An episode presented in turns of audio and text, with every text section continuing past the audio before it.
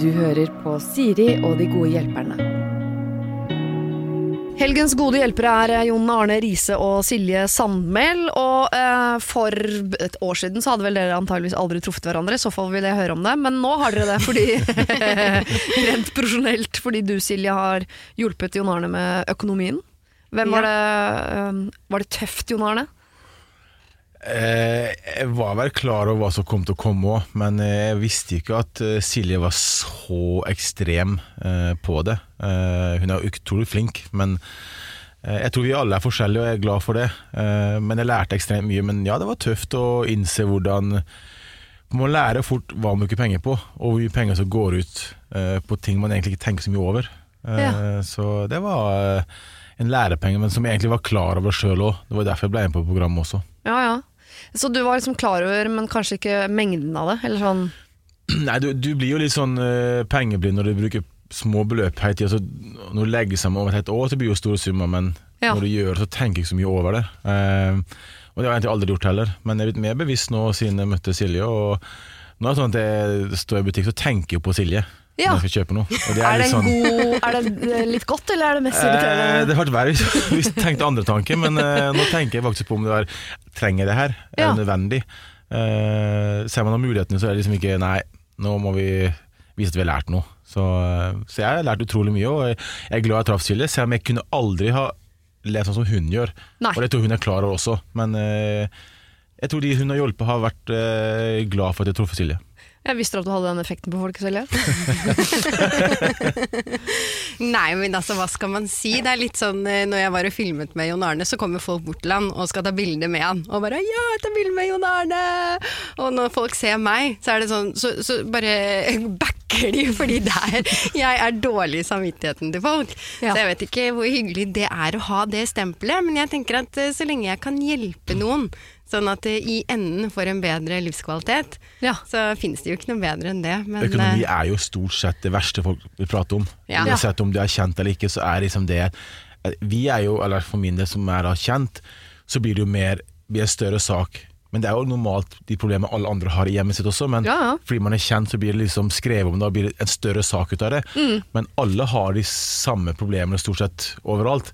Ja, og Eh, Samtidig som det er nesten ingen som snakker om økonomi uansett hva man tjener. Jeg tror ikke jeg vet hva mine aller nærmeste venner Nei, eh, det er tjener. liksom der problemet, eller det store saken for meg er at jeg visste at det kom til å bli ganske mye skriveri om det. Ja. Men for min del så var det bare jeg ville lære noe. Ja. Eh, og det gjorde jeg, og jeg tror at alle som ja, frykter Silje, Ja. vet innerst inne at hun gjør det for, for å hjelpe andre, og for å gi de som sitter og ser på TV, muligheten til å gjøre det samme. Jeg fikk jo meldingen etter programmet at de elsker programmet, og de også har begynt å tenke over ting nå fordi jeg da prater om det, da. Eller Ja. ble tvungen av Silje til å prate om det. Og Silje smiler fra øre til øre som, som vanlig. Jeg syns dette er bare koselig. Hva var det mest sjokkerende du fant?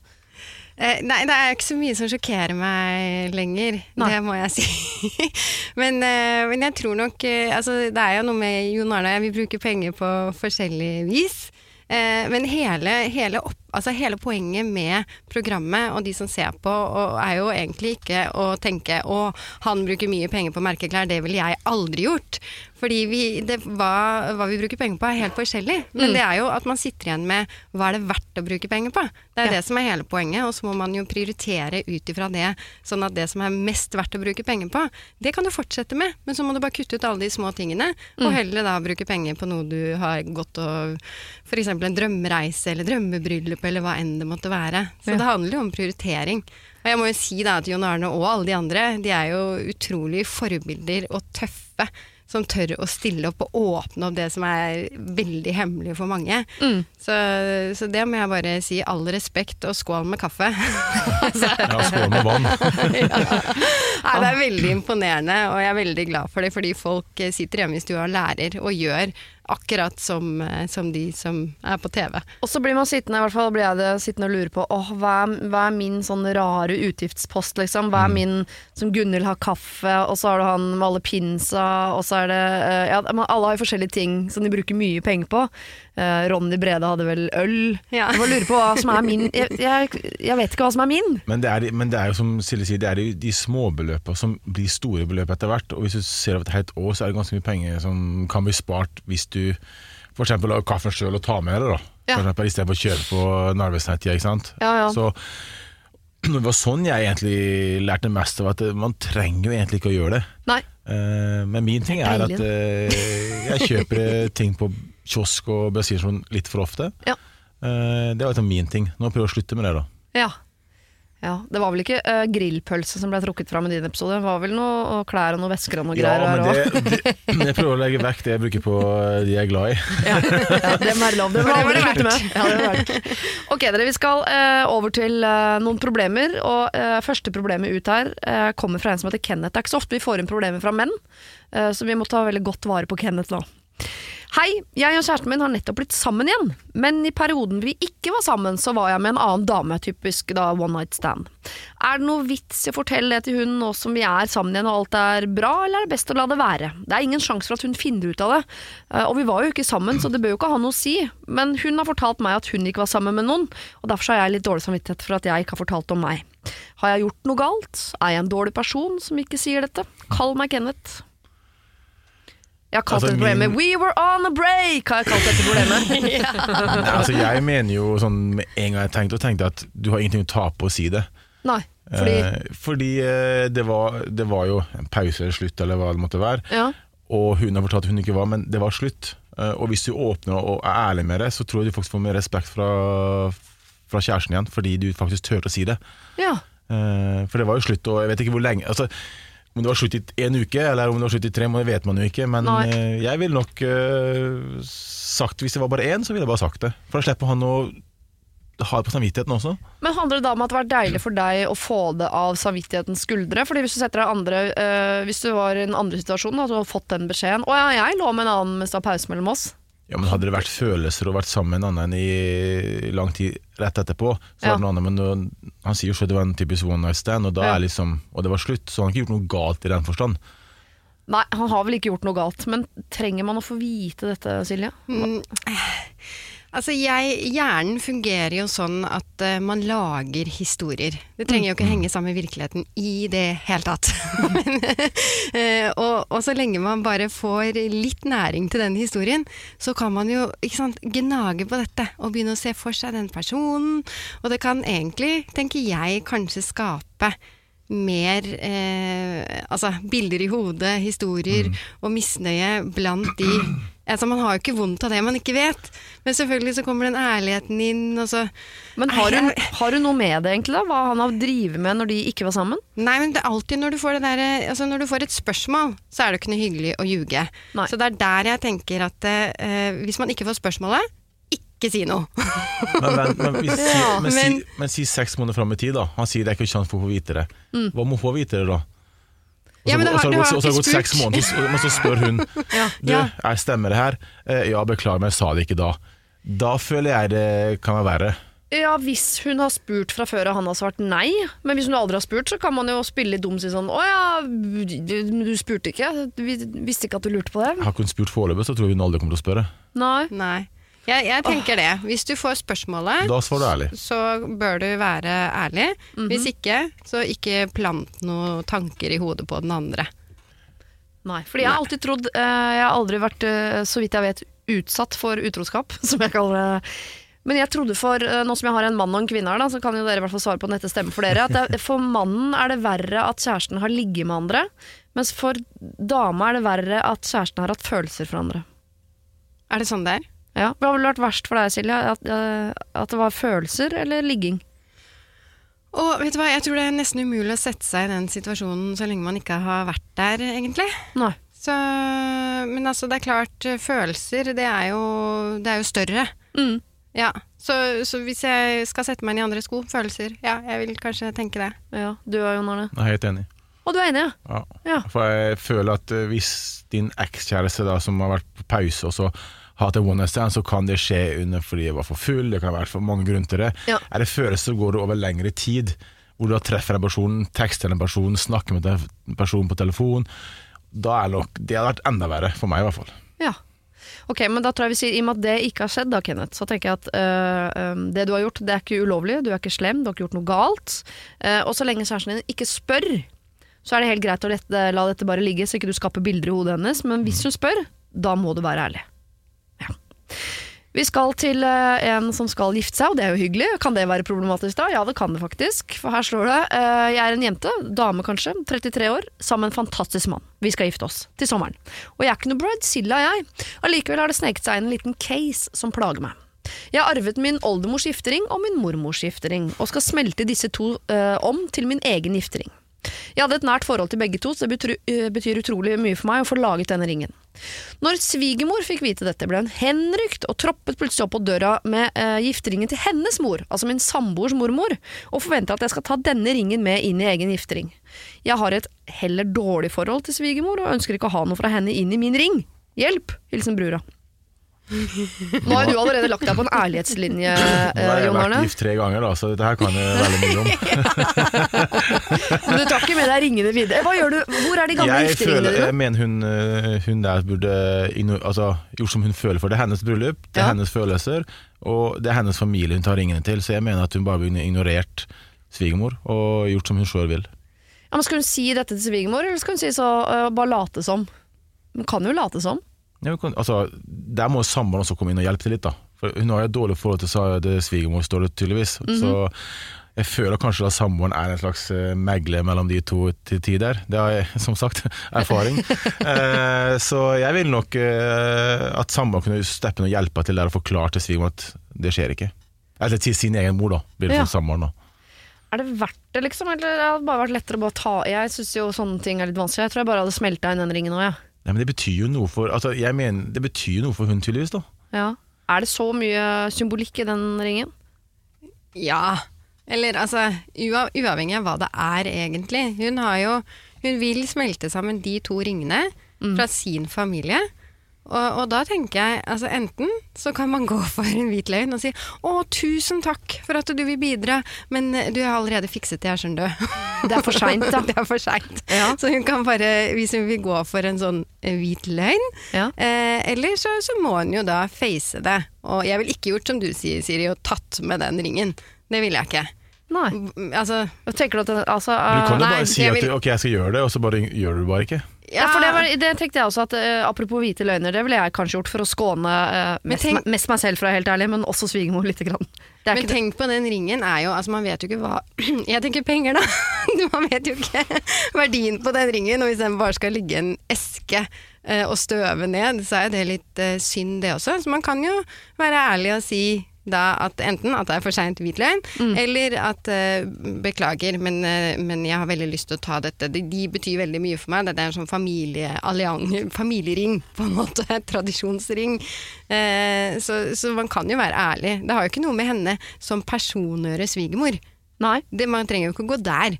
Man kan jo bare Dette handler om i ringen, og at det ikke Svigermor er jo ikke familie. Ja. Jeg, jeg, jeg, det er ikke så ofte jeg sier, men jeg, nesten, burde ikke ha vært her i dette problemet, for jeg er ikke så opptatt av sånne symboler. Sånn, jeg ringer til gravstøtter er for meg helt sånn Det er litt sånn men, altså, Jeg har ikke noen følelser rundt det. Men eh, her, jeg tror kanskje jeg ville sagt sånn Ringen skal være liksom et symbol på de jeg har hatt nære i mitt liv. Det er viktig for meg. Så det blir min familie som er i den ringen. Men jeg tar gjerne imot ringen fra, den, eh, fra din side av familien, og så lager jeg et par øredobber av de. To bitte små kuler eller noe sånt, for du skal jo faktisk gifte deg. Ikke bare med mannen din, men også med hans familie. Så selv om svigermor er litt idiot, så blir hun jo en del av livet ditt.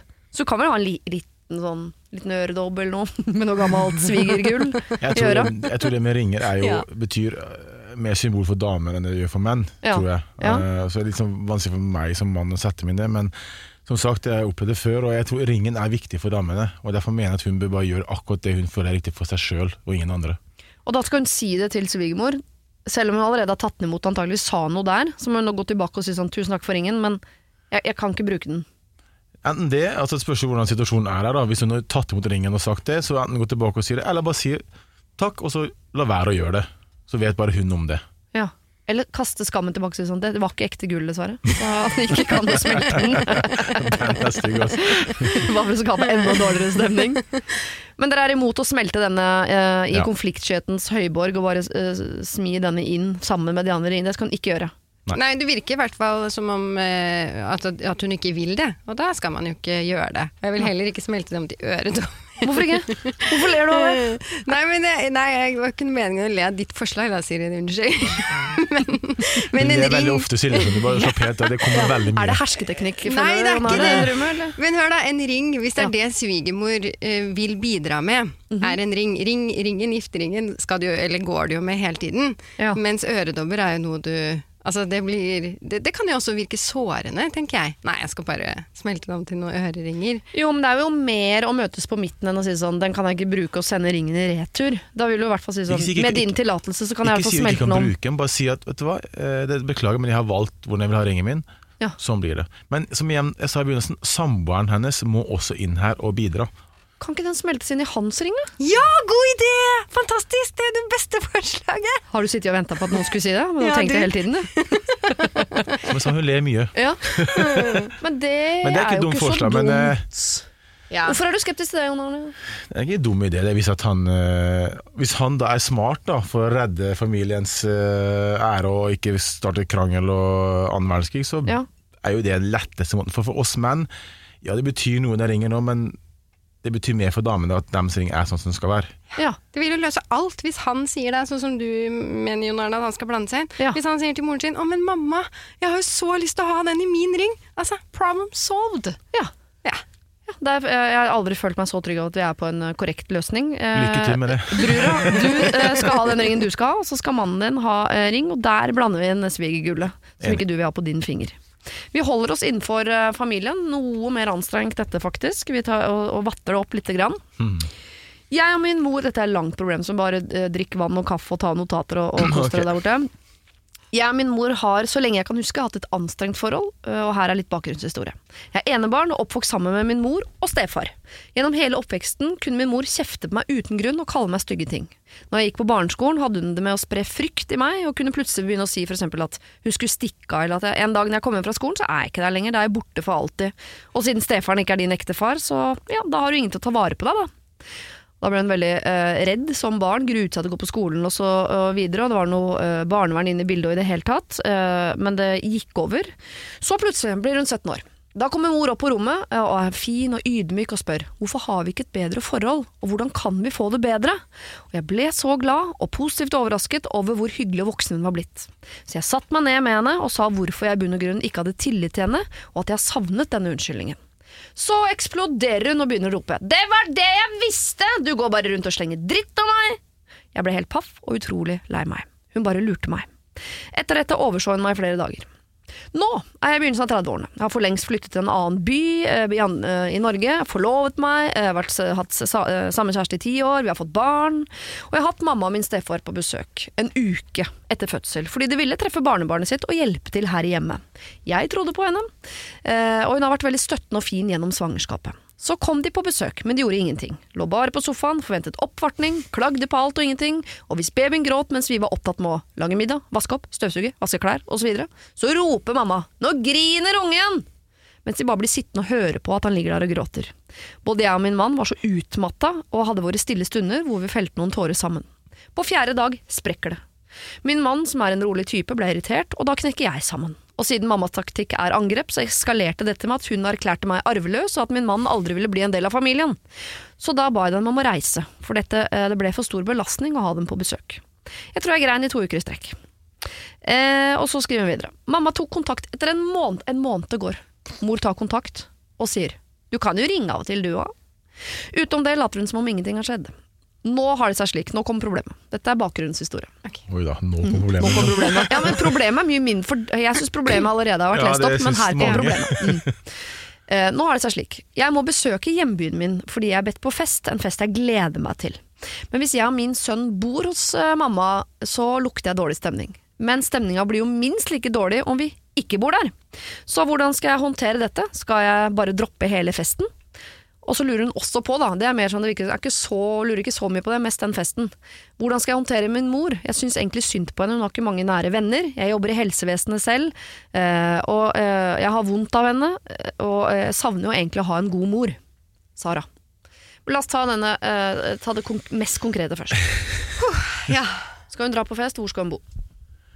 Eh, Jeg ville bodd hos en venninne, jeg. Hva sier du til mor? Hva sier du til mor? Nei, Jeg har lyst til å bo hos en venninne. Altså, det er vel helt greit? Ok.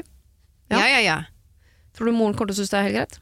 Ja, men hvorfor ikke det? Hvis jeg skal, hvis jeg skal eh, Ja, nå klarer jeg jo ikke å sette meg selv inn i akkurat den situasjonen, for jeg og mamma er bestevenner.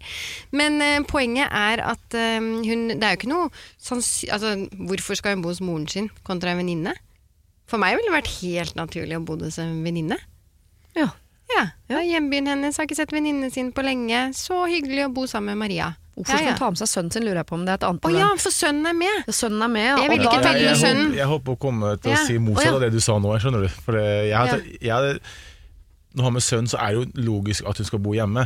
Men når du hører om problemene, Ja. så er jeg enig i at hun bør ikke dra hjem. Fordi hun sier hun savner mammaen sin, men i hvor gammel er hun? 33 år? Noe sånt? Mm -hmm. noe sånt? Ja. Ja, det er 33 år med dårlig stemning, ja, ja. og det endrer seg ikke nå. De har vist gang etter gang at mora ikke er si, til å stole på og vil ha et godt forhold til sin egen datter og øh, til barnebarn. Så jeg har bare ignorert mora fullstendig. For er det ikke rart at man etter en eh, i 30 år med dårlig eh, behandling av mor, at man allikevel er såpass trofast overfor henne og redd for hva hun skal tenke og føle. Det, for meg er det helt Det er fint at noen har den motoren. For meg er det helt hvor- Skal du ta hensyn til moren din, som aldri har tatt hensyn til deg? Skal du la barnet ditt være hos din mor tilfelle Å nei, mamma må ikke bli lei seg når hun ikke har gjort noe annet enn å sørge for at du har vært lei deg siden den dagen du kom til verden. Det syns jeg altså Jeg forstår at man tenker det, men når du ser alle bevisene hun sier i den teksten der Ja. Når det var en uke på besøk, gjorde ingenting. Altså, hun har ikke visst noe at hun bryr seg om barnebarnet sitt, og heller ikke sin egen datter. Og det er et ganske enkelt valg for meg. Det er, du drar, på, drar til hjembyen din, om du tar med sønnen din, bor hos en venninne. Uh, få barnevakt til sønnen din, eh, og så kos deg. For du må tenke på ditt eget liv, ditt eget barn og din samboer eller da, mann. Da. Ja. Det er det som er viktigst. For mor har bevist gang etter gang at det er ikke vits i å tenke på. Jeg er helt enig, men la oss dra problemet videre. For så har hun jo da gjort dette. Mor kommer til å klikke. Hun høres ut som en type som har en tendens til å gjøre det. Eh, hva skal hun si da, når eh, mor spør hvorfor bodde dere ikke hos meg? Hvorfor frarøver du meg tid med mitt barnebarn? Ja, men kan hun ikke Altså, nå har hun jo forsøkt å være ærlig én gang, Mhm. og da sprakk jo moren. Eh, Da var hun det- 17. Ja, Ja. Det, ikke sant? Og nå, det er noen år senere nå, da. Så, så jeg tenker jo at eh, på et eller annet tidspunkt, dessverre, så, så må hun jo enten kutte båndet med moren sin. Altså, det, det er litt sånn med oss mennesker at eh, jeg forstår jo uh, at hun ønsker å ha en, e- en annen mor enn det hun egentlig har. Uh, hun kommer ikke mest sannsynlig til å få den moren. Hvis hun får den moren, så er det fordi moren selv tar det valget. Hun kan jo ikke gjøre noe, dessverre. Og det er jo ofte sånn at man bare har lyst til å riste folk, og så bare Kan du ikke bare være snill, eller kan du ikke bare gjøre sånn som jeg ønsker at du skal gjøre? Men sånn er det jo ikke. Det er morens valg. Så jeg tenker at hun må fortsatt være nå brutalt ærlig. Og så må hun enten velge å forholde seg til moren sånn som moren er. Mm. Og hvis hun ikke klarer det, så må hun kutte kontakten og være ærlig på at vet du hva, jeg klarer ikke å forholde meg til deg sånn som du er. Fordi dette, eh, sånn som du er, gjør sånn og sånn mot oss. Mm. Ja, for jeg tenker at hun skal skåne seg selv eh, her, og det er noe med at det hun ønsker å oppnå med at moren skal forandre seg, det retter jo ikke opp den situasjonen. Det vil ikke si at Vi spoler jo ikke tilbake tida, så hun får jo ikke plutselig en god mor i oppveksten. Da får hun plutselig en god mor i en alder av 33, hvor man ikke på den måten trenger moren sin lenger. Men det eneste hun kan vinne på, det er jo å få en god mormor eh, til sitt barn. Men, jeg, sorry, jeg har ikke trua, jeg har ikke Nei, trua jeg på vil prosjektet. som Silje kutta kontakten fullstendig. eh, og gitt, eh, altså, straffa mor om å ikke ha kontakt, ikke svare på telefoner. Og se da hvor lang tid det går før hun faktisk innser at det er hun som er problemet. Mm. Eh, for du kan ikke gå liksom såre deg sjøl og skade din egen familie med å tenke at og hva tenker mamma nå? For hun har ikke gjort en dritt for dem fram til nå. Hun er 33 år. Mm. Eh, Så jeg ville bare ignorert og kutta kontakten og sett hvor langt det gikk. For hun har et bra liv utenom. Ja. Så Og da er det jo veldig fint at hun har endt opp med å bli et omsorgsmenneske. En som er bekymret for moren, jobber i helsevesenet og som virker som er på en måte falt ganske langt fra stammen, da, hvis det går an å bruke det uttrykket. Så det er jo fint at hun har den motoren, har lyst til å på en måte se om hun kan hjelpe moren sin, men øh, ikke slit deg ut på det, liksom. Du får ikke plutselig en god mor. Nei. Moren må velge selv. Ja. Her syns jeg jeg hører, eh, Sara, at eh, å kutte ut mor faktisk er et forslag. Det har ikke du engang selv eh, nevnt, så jeg skal ikke legge det i redet ditt. Men at du skal dra på fest uten å ta hensyn til hva mamma føler opp dette her det, det, altså, Du skal bo der hvor du vil bo. Du skal ikke tenke på moren din. Og til å reparere det forholdet til henne mm, Har ikke helt trua på prosjektet. Er det lov å si det? Ja, det er, det er ikke hennes ansvar heller. Det må hun tenke på. da, For det virker som om hun tar på seg veldig mye ansvar. Og vi Ja. snakker tross alt om moren din, som er den som skal ta ansvar. Så skuffa over moren din. Ja, faktisk. Ja. La oss eh, hoppe over på noe økonomisk. Å nei. Nei! Du, eh, Jon Arne vil snakke om følelser, ikke om eh, økonomi, men vi må eh, innom. Jeg har et økonomisk problem, nemlig. For en måned siden flyttet en av mine beste venninner inn på gjesterommet hos meg og min samboer etter et brudd med hennes tidligere samboer. Jeg har støttet henne gjennom bruddet, og jeg har vært tydelig på at hun kunne bo på gjesterommet når hun trengte det. Problemet er bare dette med potensiell leie. Nå har hun bodd hos oss i en måned, og hun får ikke ny leilighet før om en måned til. Jeg og min samboer har helt grei økonomi, så det går jo fint å huse en person i to måneder, men det går jo fort ganske mye penger i husholdningen. Venninnen min bidrar litt i handling i hverdagen, men vi ukeshandler via Kolonial, så det blir bare de små ekstratingene hun eventuelt kjøper, da. Egentlig syns jeg det er helt rimelig at hun betaler litt leie. Vi pleier også å leie ut gjesterommet via Airbnb og går dermed glipp av ekstra inntekt i denne perioden. Men å snakke med venner om penger er skikkelig vanskelig, så egentlig lurer jeg på om vi skal be eh, om noe leie, og i så fall tilfelle hvor mye er det rimelig å be om? Har dere noen tips for hvordan jeg kan snakke med henne om det? Jeg er vanligvis ikke konfliktsky og kan snakke om det meste, men akkurat når det kommer til penger, så syns jeg det er litt vanskelig. Hva skal jeg gjøre? Dere kan kalle meg Vilde. Ja, jeg vet Skal vi jo gå hva jeg rett i ville gjort. fasit, Skulle skal vi gå rett i fasit Silje? Jeg tror du får to forskjellige svar her. Nei, det er jeg faktisk ikke i tvil om. Jeg vet at vi får to forskjellige svar. Men, men for det første, selvfølgelig er det vanskelig. Det er en venninne i nød, og du vil jo ikke sant, ta vare på denne venninnen. Mm. Eh, Men hvor lang tid var det gått nå, sa du? En måned, så ble det En en måned, til. så blir det en til. Det er halvveis, da. Ja, og så vet du ikke helt uh, hvor lenge hun kommer til å bli. Uh, så etter en måned Jo, jo, jo, for om en måned så får hun ny leilighet. Så det er eh, to måneder totalt. Ja, to måneder totalt. Ok. Men, men jeg tenker jo at eh, Fordi hun, hun Det er jo ikke gratis å ha henne boende der. Så, så det er jo eh, helt legitimt å spørre eh, eller si at du nå må du nesten betale leie. Fordi de leier jo bort dette her på Airbnb noen ganger. mm. Eh, men, men det er klart Den er vanskelig, vet du. Så hvis man har råd til det, så kanskje jeg og Arne faktisk er enig i at du skal bare la det, la det gå. For vi snakker bare om to måneder. Ja, for la det Eh, gå, er det Ja, altså ikke, ikke be om noe leie hvis man Ja. ikke er i, i Altså har man behov for pengene. Eh, Og heller ville leid bort rommet på Airbnb, for man trenger de pengene. Det er helt nødvendig. At det høres Så- ikke sånn ut. Det høres Nei. mer ut som prinsippet fordi man er litt lei av å ha noen på besøk. Ja. Så bare dukker det opp noe litt sånn. Det er sikkert egentlig irritert på andre ting. Ja, men nå har, hun, nå har hun sagt at hun kan bo der i to måneder. Så hvis, de, hvis den der leieinntekten skal være fordi at hun skal flytte før, så uh, ville jeg kanskje sagt at hun bør flytte før, i å ikke kreve penger. Men, uh, men å, å bidra litt til mat og sånn, det er jo helt en selvfølge. Ja. Ja, der er jeg enig. Enten så bør hun kjøpe sin egen mat og ha sin egen plass på, i kjøleskapet. Som er, ok, det her er ditt, din del av kjøleskapet. Mm. Men eh, jeg ville nok aldri bedt en kompis om å betale leie når, når du vet at det er to måneder. Og klart Det har vært usikkert om ok, to måneder kanskje blir noen uker til. Det er noe annet, men nå vet vi at ok, en måned til så flytter hun sjøl. Men jeg ville nok ha bedt om at enten bidra med en viss sum i uka for mat, eller kjøp din egen mat og spis den, liksom. Eh, I hvert fall når det har gått såpass lang tid. Ja, hadde dere, for Jeg er jo enig i det prinsipielle her. Det hadde bare vært så deilig om denne venninnen foreslo det selv. Sånn, ok, jeg er ikke rett og rimelig at jeg betaler litt for maten. Det burde jo hun ha tenkt på er selv. jeg helt enig. Men jeg vet ikke om jeg hadde klart å gå bort til en venninne som var i bunnløs sorg over samlivsbrudd, si sånn Er det mulig at du kjøper Ja, men det er en kneippbrød ditt sjøl? Det har gått én måned. Ja. Tipper den venninne har vært ute på byen et par ganger siden den, eh, det var slutt, og kost seg. Så eh, den der, Etter en måned, tror du det? ja, men det, det må jo gjøre det for å gå med venninne og, og prøve å slippe å tenke på det. Ja. Eh, men den, de to som bor der, har jo god økonomi, skriver hun sjøl. Det som Silje sier, hadde det vært eh, liksom avhengig av å få inn inntektene på Airbnb og alt det der, så er det noe helt annet. Men det er jo bare en prinsippsak, egentlig. Men Ja. hun venninna burde jo ha tilbudt seg sjøl å dekke maten til seg sjøl eller bidra. Det er jo en Absolutt. selvfølge. Ja, jeg syns hun burde eh, være ganske raus, betale ganske mye av maten, ja. Altså Ja. Som Mm, takk. men hun- spandere litt middager og kjøpe en ekstra vinflaske og sette i hylla, liksom. Hun har jo gode penger, tydeligvis, for hun har kjøpt seg leilighet. Ja. ja. Og betaler ingenting i leie, har ikke noen utgifter for tida. Med mindre hun faktisk fortsatt betaler på den leiligheten hun delte med sin eks, da. Det vet vi jo ikke. Men hadde det ikke vært for Airbnb her, så hadde jeg ikke vært noe i tvil. Men det er klart, når du får forespørsler på Airbnb, og du ser på at det potensielle tusenlapper bare må skyves til side, det er kanskje der det dukker opp, en litt sånn gnisning.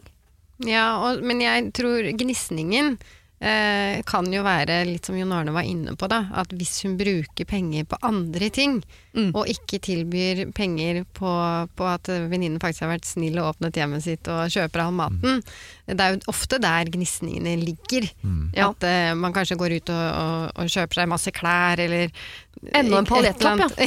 ja. Skjønner. Og så bidrar du ikke her. Den, Så- er, den, er, den er verre. Hvis du kommer med en pose over shopping, Ja. da, da blir det bråk. Det er som at jeg kom med på shopping da jeg hadde Silje på besøk. Det. Ja, det, ja. Det er døden, åssen den stemmen, gavler? På en måte. Det- Ja. Stå på garasjen neste, liksom. Nei, men kanskje man skal være god venninne og la det der med leieinntektene bare fare. Det er to måneder, dere klarer det, dere, dere har på en måte muligheten til det. Men at det kan være lov å be om sånn eh, at hun er litt mer sånn behjelpelig når det kommer til å handle mat. Ja, jeg synes man, altså, Hvis de handler inn da, på Kolonial for én uke, som du sier, så er det sånn Du, nå, nå sitter vi her og handler. Da, da, da. Og da Ja, det kommer på sånn og sånn. Bare vippser du meg så mye? Og så sier hun beløpet. Jeg tenker det er rett og rimelig. Har hun, har hun, prøvd, den, har hun prøvd den fremgangsmåten? Nei, Nei. det har hun ikke. Men jeg tipper at når Vilde skal gjøre akkurat det du ber henne om å gjøre nå, så kommer hun til å gi dem i litt mer sånn sammenbitte tenner, sånn at venninnen hører at hun er litt irritert. Ja, Tror du ikke det? prøv Kan ikke du aldri redde meg litt grann, kan du eh? bare be om penger på Vipps, da? Slipper å spørre. Du bare be på Vipps, send sånn der be om penger. Ja, Ja, det kan du òg. ja, det er jo det redningen for oss konfliktsky. hun er jo ikke konfliktsky, sier hun. Nei, det er det. Så hun tør jo altså Det å bare gå og spørre Vet du hva, At du bor her to måneder, det er helt greit, vi forstår det, men eh, det er rett og rimelig at siden ikke betaler leie, at du faktisk bidrar litt eh, med maten. Hva Ja. syns du om det? Ja. Og så får du et eh, Jeg tror faktisk hun venninna venter på det spørsmålet, men hun tar ikke opp sjøl. Nei. Kan det være hun er en sleip faen. Det vet vi ikke. Eh, og jeg syns i hvert fall det er å være en god venn og gå og banke på døra og si nettopp det som du sier, Jon Arne, istedenfor at du og mannen din, som jeg tipper dere er i god gang med allerede, går og småbaksnakker henne litt. Grann. Så si at nå innen de to månedene har gått, så liker du venninnen din litt dårligere. Det er jo ikke noe god venn å gå og vite at nå liker jeg deg mindre og mindre for hver dag som går, fordi jeg ikke tør å ta opp det som jeg burde ha tatt opp med deg. Så hvis ikke du er konfliktsky, så må du knakke på døren og be om litt penger til uh, kolonial. Ellers gjør du det via Vips. det er så deilig.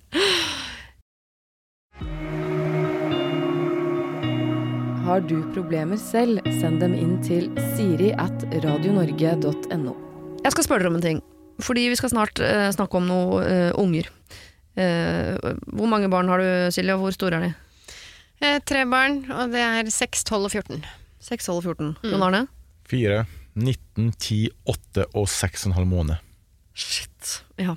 Og da er mitt neste spørsmål. Hva, eh, hvordan pappa er du, Jon Arne? Oi eh, nei, Nå den, den karrieren jeg har levd, så har jo Jeg har jo 19-åringen bor i Ålesund med eksen, og 10- og 8-åringen bor i London med eksen. Ja.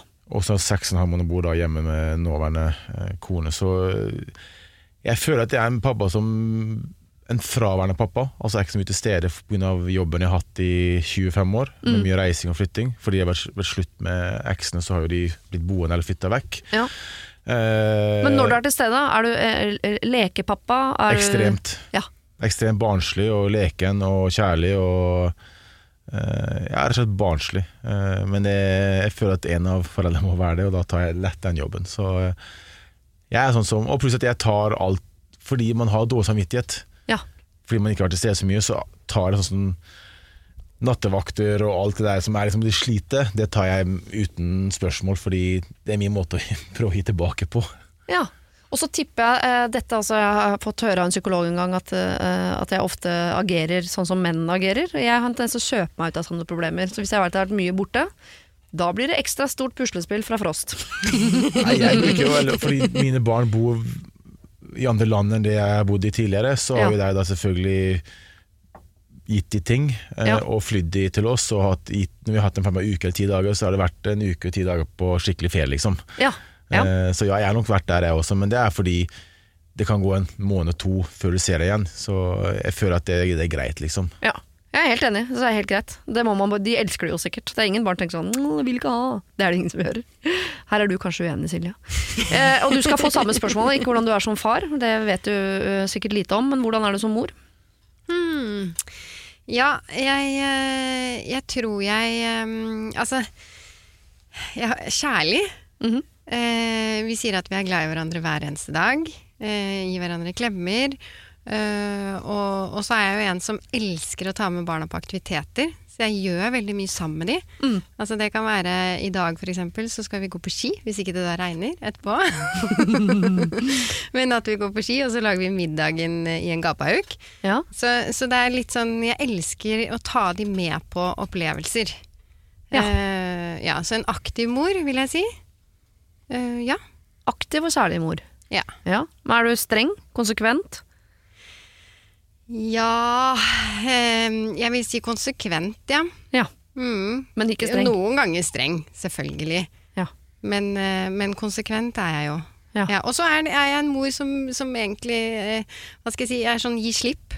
Du vet, Gi slipp-ledelse er veldig populært i arbeidslivet. det, det er på barna òg. De må ta mye ansvar. Ja, ja, ja. så jeg har aldri pakket en gymbag, for eksempel. Nei. Eller eh, ja, jeg smurte matpakke før de klarte å smøre på brødskiva selv. Når begynte du med det? Ja? Nå sitter jeg og noterer her borte. Fordi Ja. mm, jeg, Jeg legger fra, her. Jeg, det, jeg legger fram klær til sønnen min hver eneste dag. Han er Nei, det har snart jeg 11. aldri gjort! 11. det er kona til meg òg, så det går bra. Nei. Nei, barna de har eh, fullstendig oversikt selv, da. Så Ja. hvis de trenger et par nye sko, så kommer de og spør, eller så går de og kjøper selv nå, da. Eh, men ikke hun minste, hun, hun hjelper jeg fortsatt. Men ja. nei, altså det, det, mm, Når er det de begynte å smøre matpakke? Det var vel an, første andre klasse, da? Ja. Ja, jeg noterer fortsatt. For jeg er borte hvor jeg sitter. Sånn at i mitt neste liv, når jeg også skal bli mor, da skal jeg prøve de greiene der. Vi skal snakke om unger, for jeg har fått inn et problem eh, som heter busungen. Og her står det. Vi har et vennepar som jeg er mye sammen med. De har to barn under skolealder. Foreldrene er nydelige mennesker som vi setter stor pris på, bortsett fra på ett område. De tørker aldri snørra til ungene sine, eller vasker øra deres, eller tørker hendene deres etter et måltid. Det er snørr og buser bestandig, og jeg visste ikke at det gikk an å få så mye ørevoks at det tyter ut av øra. For ikke snakke om eh, diskusjonene de setter i gang angående bleieskift, mens vi andre må bare holde ut drittlukt, mens de blir eh, enige om hvem sin tur det er. Altså Disse busene, ørevoksne og matrister som barna bærer rundt på, eh, vil jo ikke jeg ha i min sofa. Mine barn legger også merke til dette og syns det er ekkelt. Jeg pleier å minne mine egne barn på at husk å tørke av hendene, eller eh, få se på hendene dine etter at vi har spist felles måltider med dette venneparet. Men de la ungen bare gå med tacosaus i strie strømmer rundt munnen og på hendene. Det, eh, eh, det skjønner liksom ikke at det er normal folkeskikk å ikke grise rundt i andres hus. Jeg har tidligere sagt at oi, nå må vi tørke hendene litt, til deres barn. Og det føler jeg går greit. Men buser og ørevoks mm. Så hvordan sier man fra til andre voksne at hei, ungene dine er noen små griser, ta så vask dem, uten at man tråkker dem på tærne. Hilsen tante Sofie. Jeg kan bare begynne med å si at man sier det ikke på den måten, i hvert fall, men la oss si at det kan komme fram til andre løsninger. Oppdra andres barn er vel egentlig overskriften der. Hvordan gjør man det? Du, ikke si det som siste setninga. Barn er noen griser. Men eh, helt innafor å si fra. Til barna eller til foreldrene? Foreldre. Jeg spørs hvor gamle er. Under skolealder. Ja. Bleiealder, liksom? Si fra til barna. Nei, foreldre. Uten tvil. Ja. Men man kan jo begynne å Man kan jo kanskje tulle litt med det først, bare for å gjøre dem obs på det, og så se om det funker. ja. Eh, men jeg ville helt klart sagt fra, for det, det er som du sier, det er jo litt ekkelt Spesielt hvis du tar med hjem til andre. Og det er så tydelig at det plutselig vokser ut av øret og overalt. Det visste jeg faktisk ikke at det gikk an. Men uh, vi har jo uh, vært innom det før i dag, at det er vanskelig å snakke med venner om økonomi. Men jeg vil påstå at det er enda vanskeligere å snakke med venner om hvordan man syns de burde oppdra ungene sine. Det hadde Men har det jeg oppdragelse å gjøre? Ah, Har det virkelig med oppdragelse å gjøre, og bare si at du skal vaske ungen din?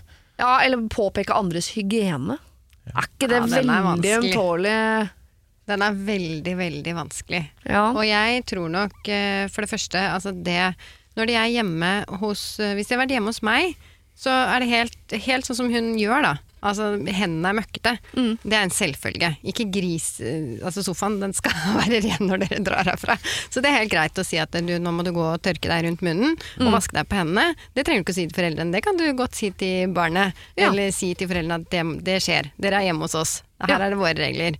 Men ørevoks og buser Eh, den arenaen, eh, så lenge ikke det, det tyter så mye ut at det blir liggende For det ramler jo ikke ut i svære klaser ned i sofaen, liksom. Vi er nei, ikke der. Nei, vil, da vil jeg, da, det ville jeg ikke påpekt. Men det er klart at eh, det spørs jo helt hvor gode venner man er.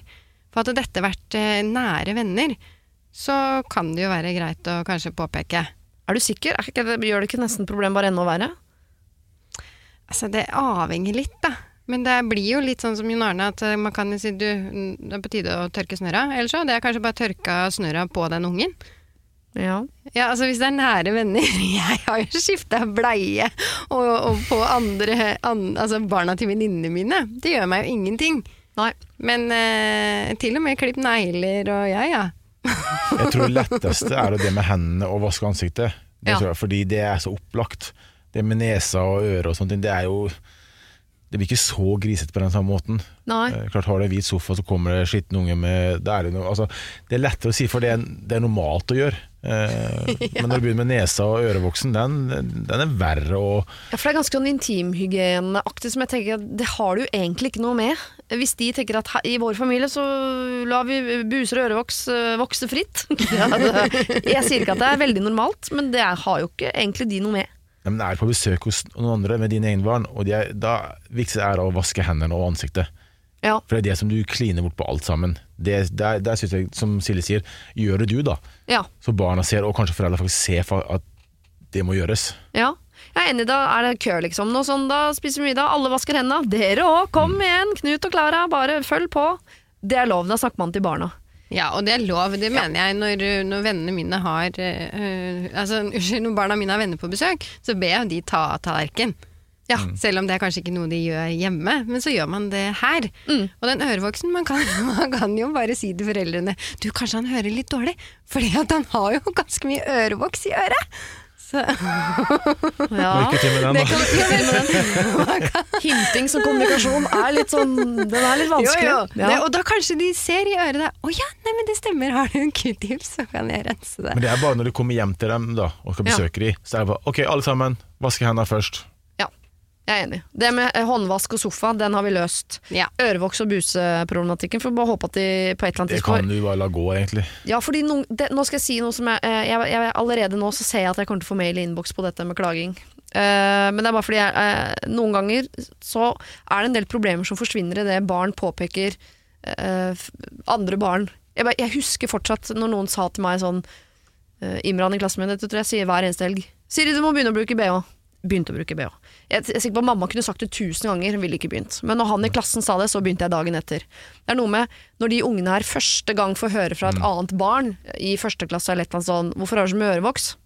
Problemet er borte. Ja, det er jeg enig i. Ja, det er ikke noe Jeg, jeg oppfordrer ikke til å Jeg ser hvilket minefelt jeg er på vei ut på her. Jeg bare vet at dette problemet kommer antageligvis til å bli borte av seg sjøl på et eller annet tidspunkt. Ja, det tror jeg også. La oss håpe det. Jeg stopper meg sjøl der, jeg. Gå videre til neste problem, som jeg ikke har vært borti før. Eller kanskje. Jeg er en supersosial person. Alltid vært. Jeg treffer venner sikkert tre ganger hver uke. Også i vanskelige perioder. Når jeg var gravid, når jeg hadde småunger, når jeg var nyforelska. Alltid. Min mann derimot, som jeg har vært gift med i snart 15 år, eh, har i perioder vært irritert på dette. Men han vet altså hvor lei meg jeg blir når jeg ikke får det til. Dette er mitt påfyll, det er her jeg henter energi, så han har med tiden godtatt det. For som han sier, alternativet er verre. Han er en mye mer hjemmeskjær person enn meg, og det plager han ikke å ha masse tid for seg selv. Han trenger det, sier han. Så sånn sett utfyller vi kanskje hverandre, selv om jeg jo kjenner på at det er litt skeivt. Nå på sine voksne dager har han plutselig fått seg en hobby. Han skrur på gamle Vespa-motorer, og nå mener han at han skal skru i garasjen tre kvelder i uka. Gjerne fredag og lørdag kveld. Men da har vi jo aldri tid sammen, har jeg sagt, og jeg mener at han må skru når jeg er ute med venninner, men han sier at han vil skru når han vil skru, og at jeg skylder han det. Men det kjennes jo litt ut som trassing fra hans side. Hvor interessert kan man være i å skru plutselig? Kan jeg kreve at han skrur når jeg er borte? spør da Laila. Det, er jo ikke et big issue egentlig det her da det er jo, man, må jo altså man må gi og ta Ja, Eh, men hvem skal gi, hvem skal gi nå? Ja. ja, hvis hun eh, gir en kveld Og så han eh, gir en kveld Jeg bare tenker, hvis man si de har en kveld i uka da, hvor det er bare de to ja, Middag, date, eh, whatever Og så har de to kvelder hver hvor de gjør sine ting At du må, du må liksom gi og ta her og snakke om det, Ok, du vil skru lørdag og søndag Eller fredag og lørdag Mm. Jeg går ut eh, tirsdag, fredag ja. Og så har vi Altså- onsdagen sammen, liksom. Der, eh, ja, flesk og duppe og brettspill. Ja. Men, han, men han gjør ikke det altså, på trass Han svarer på trass når han svarer at eh, Ja, men du skylder meg det Det er nok fordi han har vært irritert tidligere For hun har alltid vært ute tre ganger i uka Ja. Den ser nok, men han har tydeligvis fått en hobby som hun må respektere. Men Men har han rett da? Skylder hun han det? Nei, det gjør han ikke, for han, han likte jo å være alene hjemme og kose seg sjøl. Han kunne jo gått ut han hvis han følte for det. Ja. Men uh, at han har fått seg hobby Hans hobby er jo litt lettere å gjøre når han vil. Mens å gå ut med venninner er jo stort sett torsdag, fredag, lørdag. Ja, for Vespa-motoren den står nå bare der i garasjen. Det gjør ikke de venninnene, liksom. For de må Så få det jo- inn i sin kalender. Han Ja. kan jo ta liksom et par andre dager, Ja. mot at hun gir opp en dag sjøl også med å gå ut. Jeg tipper du allerede har satt dette inn i et Excel-ark, eh, Silje, og eh, regnet deg matematisk fram til hvordan dette skal eh, løses. Jeg har det, skjønner du. Nei da. Nå sitter og ringer fram og tilbake her, da vet jeg da kommer det noe. Nei, jeg syns han er sykt trassig. Å ja. Ja, det må jeg virkelig si. Altså, for det første så, så velger han helgen, hvor man har altså, fredag og lørdag kveld. ja. Det, det syns jeg er veldig spesielt. Uh, og i hvert fall når det er en hobby som, som man kan velge hvilket som helst tidspunkt å gjøre på. ja. Så, så her, ja, jeg syns han er skikkelig trassig.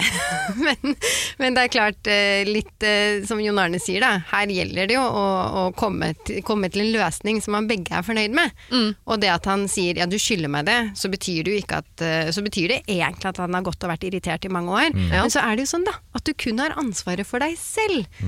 Sånn at, at han har valgt å ligge hjemme på, på sofaen og ikke gått ut eller skrudd på noe eller hatt en hobby, det er jo hans egen feil. Det kan jo ikke han skylde på henne og bli irritert for at hun gjør ting.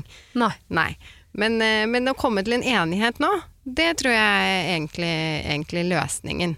På at eh, ok, hvor mange dager, hva, når er det vi har lyst til å finne på noe sammen? Har de barn, forresten? Ja. Det har Ja. de. Så det er jo en kabal her. Og da, da anbefaler jeg, jeg, jeg anbefaler jo Jeg kommer med Excel-arket mitt, er du klar? Ja, ja, ja, ja. Nei, men det, det som kan løse eh, Altså det funker for oss i hvert fall, er jo å ha en sånn ukesplan. En, Ja. Det er en slags aktivitetsplan som sier noe om hva, hva gjør for folk, til hvilken tid. Eh, og så stokker man om på den, sånn at alle får noe hver. ja. Så Ja. tirsdag er din dag, torsdag er hans dag, Ja, altså barna onsdag er det fotballtrening, liksom. Ikke sant? Man, man starter i hvert fall hjemme hos oss starter man med barnas ting, og så ser man hva som er igjen til de voksne. Ja. Og da, da Har du sånn nydelig som er glass med bilde av ungene øverst og sånn tusj ja, man kan vaske bort? helt riktig, Siri. Ja, Det ser jeg for meg. og så har vi middagsplan på siden. Selvfølgelig. selvfølgelig, selvfølgelig. så det er Excel. ja, Excel Men i jeg tror de her har eh, store barn. Altså, jeg tror ikke det barnelogistikken egentlig er eh, Ja, en for det faktor her. noe det, tror jeg. Ja, for hun eh, henviser til da vi hadde små barn osv., men at hun uansett så har liksom fått til de der tre uker med venninnen i uka, da, som er jo imponerende i seg selv. Men det er bare Han virker som en gretten gubbe. Ja, han virker litt som en gretten gubbe. Og det er eh, litt sånn farlig nå, fordi nå har dere plutselig masse tid. Ungene har blitt store, dere har masse tid, og da velger dere, når dere endelig har tid til å, å pleie hverandre, så velger de egentlig å, å tilbringe mindre tid sammen enn noensinne. Det er farlig. Det er litt farlig. Eh, og da tenker jeg at om ikke eh, hvem skylder hvem hva, men de skylder jo prosjektet de to å, å tilbringe mer tid sammen. Så når han de få dagene hun er hjemme i uka, tilbringer de i garasjen med en Vespa istedenfor å finne på noe med henne, så mener jeg det sier noe større og farligere om et forhold enn at han er trassig. Tror du ikke det? Alle venter jo på at barn skal bli store nok så man kan ta igjen det tapte av den der eh, oss-tida sammen. Ja. Eh, Så Derfor jeg mener at de bør ta en dag vekk begge to, og det faktisk bare er sammen de to. Og så kan de fortsette med de der eh, hobbyene sine, eller hva de må. Men det er jo gi og ta her. Og for å funke, De må jo være med sammen nå som barna er store. Ja. Hvis ikke så er det et forhold som er på vei I dass. eh, Ja. Ja. For du, tri du trives ikke sammen.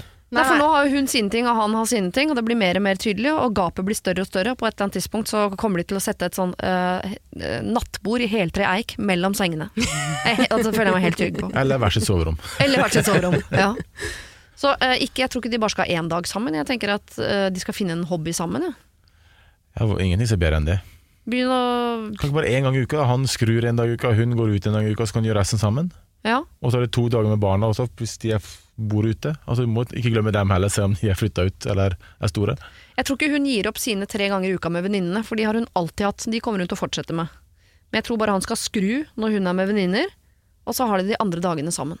Ja, det, å, Det hadde jo løst veldig mye, men da må jo han ikke ikke det er lettere for han å skru på hennes dager enn mot seg, for hun går ut er jo stort sett i helgene. Altså. Antageligvis. Antageligvis. Lala, vi, vi syns mannen din trasser. Vi syns han er en gammel gubbe. Eller eh, gretten gubbe, var det du sa? Vet ingenting om alder. Eh, og skylder, ja vel, kanskje det. Det dere skylder hverandre, er jo å prøve å finne tilbake til oss. Altså det dere hadde når dere ble sammen, når dere bestemte dere for å få barn, alle de tingene der. Og dere skylder hverandre å ha et prosjekt som er felles. Så uh, finn noen uh, huller i Excel-kalenderen eller på glasstavla, som eh, Silje bruker, som handler om deg og mannen din, ikke deg og venninnene dine, eller han og motoren sin. Vi skal til en jentebarselgruppe. Jeg er i en barselgruppe med en fin gjeng. Damer. Vi treffes hver uke og skravler om alt som våre andre venner ikke orker å høre mer om. Veldig åpent, kan du si. Ha-ha. Nå skal hun ene tilbake i jobb, og sa i en bisetning her Ja, da blir dere bedre sendt med faren til Theo framover. Eh, vi skal vel ikke ha en far inn i hønsehuset, skal vi vel? Kort mail, men inneholder så mye. jeg spør fordi jeg vet svaret, men jeg spør allikevel, Jon Arne. Har du noen gang vært med i en barselgruppe? Eh, nei. Nei, det var det jeg regnet med. Eh, Silje, har du noen gang vært med i en barselgruppe? Ja, jeg Ja. har det. Den første barselgruppa, yay, det var kjempespennende. Andre, sånn greit. Tredje, nei, jeg var aldri. Var det noen menn der? Nei. Og kan vi, eh, Er det fordi de ikke vil, eller er det litt fordi vi ikke vil ha dere der også? Jeg, jeg bare spør. Jeg mener barselgruppe er mødrenes tid til å snakke om mødreproblemer og jenteproblemer. Ja, Og så får vi hele gutta ta vår egen eh, tid. Så du syns også det skal ikke noe eh, hane inn i hønsehuset her? Nei, absolutt ikke. Nei. Men er vi gamle? For jeg er helt Men enig, men jeg syns det er flaut å si det høyt, for da føler jeg meg gammeldags. Ja, Han- men ja, Men altså, man burde jo, ikke, burde jo sagt nei sjøl. Det er jo en, det er en, en uskreven regel at eh, vi har ingenting der å gjøre. Nei, Kanskje pappaen til Theo ikke har lyst, han heller, men han har en dame som er opptatt av at sånn øh, Vi skal framover, framtida er foran. Men Du hva, skal inn i men hva får han ut av å være der med Si det er seks damer, da. Ja. Og han, hva får han ut av det? Det er null gutteprat. ja. Nei, men det kan jo hende. Altså, nå, nå prøver jeg bare på, på et sånt nytt perspektiv. Ja, fordi at eh, Å, det er så hyggelig at barna leker sammen, og at det er, er det som er fokuset. Mm. Men da vil jeg jo øh, Altså, når de er så små ja, De leker ikke sammen. De gjør jo Nei, de ikke gjør det, faktisk vet ikke du. det. De, De leker sammen når de er åtte, ni, ti måneder. Da, da de begynner å se hverandre. Jeg, tror- jeg, jeg tror ikke barn begynner å leke sammen før de er fire-fem år. Ja. Nei, de de sitter ved siden av hverandre og leker med klosser. Ikke sammen, liksom. Nei, så, så det, der tenker jeg at hvis det skal være Hvis, hvis hun da, og han for øvrig, er veldig Mm. opptatt av at det skal være noe sosialt, så kan man jo være med på svømming, altså gjøre noen aktiviteter som er med barn, men Mm. kanskje ikke i den barselgruppa. Altså jeg, jeg, jeg bare ser ikke helt uh, for meg hva Hadde Louise sagt til meg ja, nå Jonas, skal du være med i min barselgruppe istedenfor meg, for jeg skal jobbe, Ja. så hadde jeg sagt nei med en gang. For det, det stemmer bare ikke. Og det er ikke noe negativt med det, men det er liksom en, en mødres ting, da. Mens Ja. vi mannfolk kan Jeg så i dag fire mannfolk satt på eh, kafeer og spiste med barna sine. Jo heller det, da. Finner Ja, for det er jo det, eh, jeg vet jo at det er tatt masse initiativ, og det heier jeg på at fedre også skal ha Jo, pappabarselgruppe. det er enig. Men, og på et enig eller annet tidspunkt så må det jo øh, Det må jo gradvis gå over fra mammabarselgruppe til pappabarselgruppe. For det er ikke sånn at alle begynner på jobb samme dagen, liksom. Nei. Så dette kan jo hende at det er en overgangsfase. Så det er sånn, kan man ha Istedenfor å ha barselgruppe én dag i uka, så kan du ha to. En som er sånn all girls, øh, og en som er med menn. For jeg skjønner jo at de vil ha den friheten til Det er jo ting jeg sier bare når det er jenter til stede, som jeg ikke sier når det er menn til stede. For jeg tenker Jeg, jeg, vil- ikke ha dere med på denne planeten. Men det er sånn, er sånn, hun, sånn ene som sendte inn da, vurderer å si fra til hun som begynner Ja. jobb at ok, jeg vil se 100 sagt fra. Ja, Vi vil ikke ha han med. Nei. Ja, det er vanskelig, vet du, fordi man ønsker sånn Ja, det hadde vært så gøy man kunne hatt menn og kvinner, og så du, du, du. Ja. Nei, én hane i hønsehuset. hønsehuset. Hoho. Nei, um, hvis ikke de vil ha han med, så må de jo sikkert uh, altså, si fra, da. Ja. Men de, jeg tenker å gi det en sjanse òg, egentlig. Ja, for de kan jo kan øh, ønske han velkommen om bord og bare fortsette som før, og nærmest altså, klaske bindet i bordet øh, og se om han har lyst til å være der. Altså, jeg jeg syns det er gøy når man er på lekepark og sånne ting, og med barnevogn og se andre mødre gå ut i barnevogn. og sånne ting. Det, om det er bare jeg som er mann der og bare mødre, gjør mitt, men det er ikke barselgruppe. Da, liksom, da sitter man bare i vogna og ser andre folk der. Ja. Men her, er, her sitter de ned, holder ungen sin, prater om mødre, dameting og sånne ting. Og, han må jo føle seg veldig ubehagelig, syns jeg, da, å Ja. sitte og høre Ja. på. Nei, jeg, jeg vet ikke, men jeg tenker eh, La han komme en gang. og så ser, tar man det derfra. Så kommer kommer han ikke derfra. tilbake. Nei, det er det jeg Og så får mistenker. man det. jo ja, men, nei, men det syns jeg. Gi det en sjanse. Man vet jo ikke. Nei. Nei. Jeg vil, jo være eh, et sånt menneske som sier sånn Herregud, selvfølgelig skal det være menn i barselgruppa, men jeg kjenner jo eh, på sjela at eh, Jeg kan godt si det, men det er ikke ekte. Altså, jeg, hadde, jeg hadde kommet godt i den gruppa der med bare mødre med ungen min. Fordi Ja. man snakker jo, men jeg er også selvfølgelig rar fordi de snakker om ting som vi menn ikke er helt med på, og kan så mye om. Ja, og det, altså, det er sikkert noen barselgrupper hvor man snakker om eh, ting som alle kan snakke om, men hun som sender inn her sier jo nettopp det at noe av det de gjør er jo å snakke om ting som de ikke vil at det skal være menn til stede og høre på. Og da, er det, da har du på en måte definert hva den gruppa snakker om. Og da er jeg helt enig, da har ikke en mann noe der å gjøre. Men eh, som generelt konsept, menn i barselgruppe, selvfølgelig. Ja, men det er jeg enig i. Ja, det er Det er sånn enig altså, men da må det liksom være flere enn bare én. Hva er det Ja. de snakker om, de da? Ja, så blir litt nysgjerrig på det. Jeg tipper de kanskje sitter og slenger dritt om mennene sine. ja, Kan det det er akkurat det. Ja, Helt da vil vi ikke ha menn der. Nei. Men det kan jo hende han ja. Vi kan kan han kan bidra, da. Hæ? Ja. Tenk på det, det, kvinner. Det kan jo hende han har noen gode råd. Ja, vet du hva, Det kan jo godt hende at en mann i den gruppa er akkurat det dere trenger for Faktisk. å få øh, hønehodet ut av hønseræva. På Men da må de prate om det først. da Ja. De må diskutere at det er greit, liksom. Fordi hun, to, hun som da skal begynne i jobb, tar det som en selvfølge, tydeligvis. Jeg snur og sier prøv det. Kanskje det blir drithyggelig. Blir det ikke hyggelig, så er jo han enig i det. Kommer aldri tilbake. Ja. Vi skal ta et siste problem fra Sara, som ikke er konfliktsky. Det syns jeg er så deilig når folk sier, for det er så få av dere. Det er stort sett min oppgave å ta opp ting. På jobb, med familie og venner. Og øh, de rundt meg elsker jo det, fordi de slipper selv. Jeg kan merke stemninger, og jeg ser når folk tripper rundt meg fordi de lurer på noe, men ikke tør spørre, og akkurat det må jeg innrømme at jeg hater litt. Nå i påsken er vi en gjeng som skal på skiferie. uh, og uh, det er både damer og menn og unger, og det blir bra. Men jeg uh, personlig er i en liten krise med min mann, og vi har bestemt oss for å dra etter mye fram og tilbake. De andre nå lurer selvfølgelig på dette, hvor, om man skal være med, og hvordan stemninga er, og hva som skjer og sånn, men ingen tør å spørre. Jeg ser det, jeg hater det, og jeg lurer nå på, skal jeg vente dem ut for en gangs skyld, eller er det nok en gang jeg som må ta ordet? Sara. Skjønner dere? Det er litt stikkordsform. Nei, det ristes på det. Skjønner ikke i det hele tatt. Sara er alltid den som hun merker sånn åh, nå er det noe i rommet som vi burde snakke om. hun, tar hun det opp. Det er hun som tar det opp. Og nå i dette rommet så lurer alle på sånn Skal mannen din være med? Hvorfor? Hva er det dere sliter med på hjemmebane? Men ingen tør også, så alle bare sitter som sånn sultne hundevalper og lurer på når Sara skal ta det opp. Skal hun eh, nok en gang mate hundevalpene, eller skal hun la de sitte og sulte og se om de til slutt Gjør jeg det tydeligere nå, eller har jeg bare gjort opp til et hundeproblem? Ja, ja, hva er problemet? Er det, Problemet er er at hun som da liker å ta opp ting, ser at de fire-fem andre, seks andre, tenker går det bra med de, Ja. hva er issuet, hva skjer framover, Mennesker på tur sammen. Ja, men det er akkurat det jeg syns er så spennende. Tenker. Ja. Hun tror de tenker. Ja. Hun aner jo ingenting hva som befinner seg i hjernene til folk. Jo, men Er ikke det en sånn greie vi mennesker Jeg har? kan se når jeg går på gata og folk ser på meg at de tenker ting. Så Jo, jo, men, jo, men det, helt... det, kan, det synes godt på folk når de ja, en men en Du er annen kjendis. Men, men poenget er men jeg, syns, jeg, syns det, men jeg syns det er et spennende fenomen at folk kan si sånn Vet du hva, jeg tror ikke hun liker meg. Ja, hvorfor, hvorfor sier du det? Nei, hun bare ser litt sånn rart på meg. Åh, det har jeg Bare sagt sånn- mange ganger. Jo, men det- ikke sant? Du, du bare du, du flytter inn i Jeg hjernen til folk, og så lager du historier, da. Så det er, jo, det er jo en historie hun har laget seg. Det er ikke noe sannhet nei, i det. Nei, nei, jeg tror hun da må dama det, men tenker kanskje at det er verre enn det hun tror det er. Ja. At det kanskje noen lurer på noe, sikkert, men at det er så galt at hun må ta det opp i plenum og bruke energi på det, det tror jeg ikke. Det er noe hun lager i sitt eget hode. Ja, og det kommer nok også at det eh, har eh, vært repeterende gjennom mange år at det er ofte hun som må ta opp ting, men at man, du er vel, man klarer jo å kjenne på stemningen i et rom. Altså, nå er det noe Og hvis det er Men hva er elefanten her?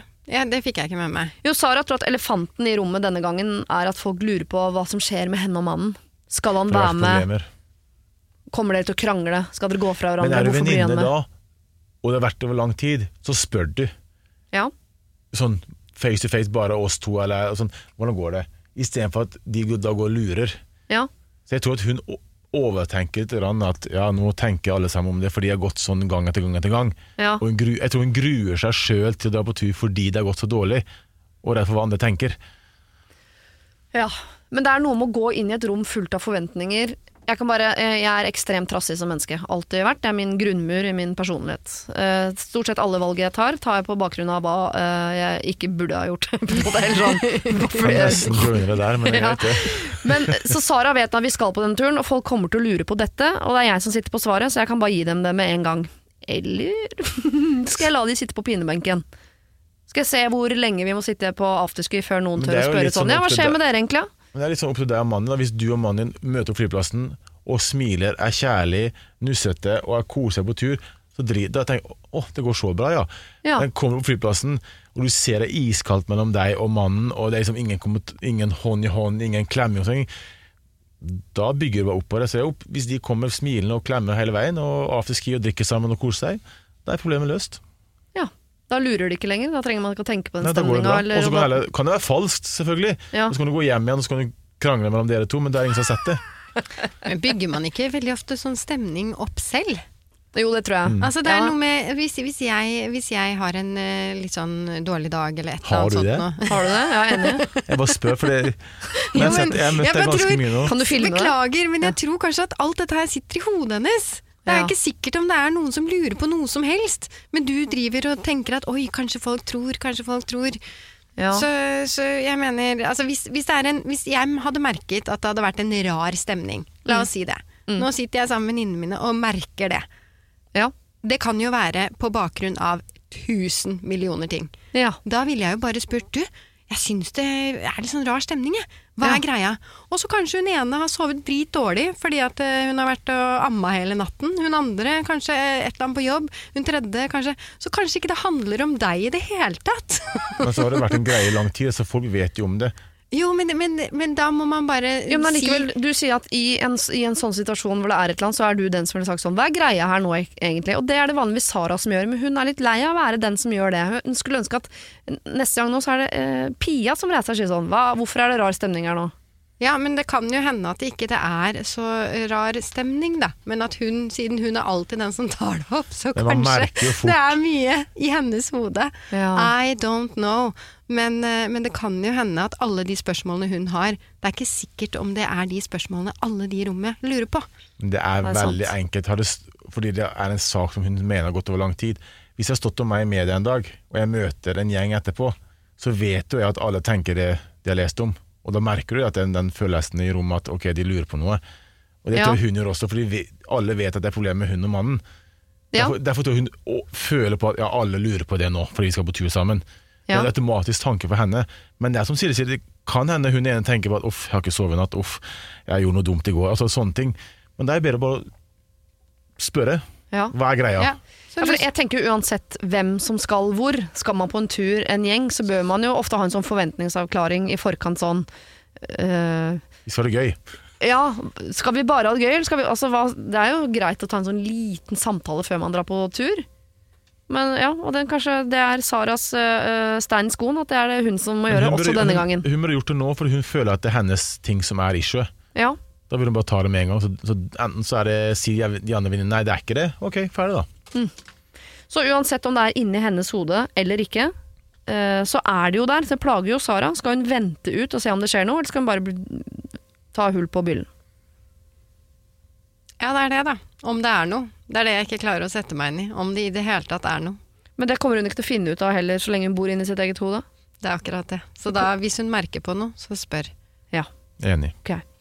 Sara, her var vi øst og vest og nord og sør, og vi aner ikke hvem du er, eller hva du tenker, eller hvordan de andre er, eller hva det er for noe, men uh, det er en rar stemning. Om det er en rar stemning der ute, eller om det er i hodet ditt, eller hvor den bor, det vet vi ikke.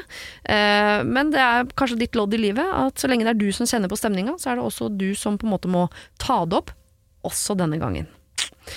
Tusen takk, mine to gode hjelpere, eh, Jon Arne og Silje. Dere har vært fantastiske begge to. Veldig mye uenig, vil jeg påstå. Eh, Sjokk at det Vi var ikke så uenige, var vi vel? Nei, det har vært uenig i en del ting, og jeg merker at jeg ofte så jeg heller jeg mot Jon Arne sin måte å løse problemet på, fordi uh, Jeg vi er mer er konfliktsky enn Silje. Hun er mer voksen og tenker litt mer gjennom før hun svarer. Jeg er bare rett på, som jeg alltid har vært hele mitt liv. Ja. På godt og vondt. Ja. Og sånn kommer det til å være fremover òg. Ja, så jeg kjempe, jeg ga deg selv et eh, godt råd også på tampen av det hele. Men tusen takk, jeg skal kjøpe meg en sånn glassplate, det skal jeg gjøre. Jeg gjør det. Jeg òg. Det var det. Husk å sende ditt problem til siri at radionorge.no om du vil ha hjelp. Denne podkasten er produsert av Rubicon for Bauer.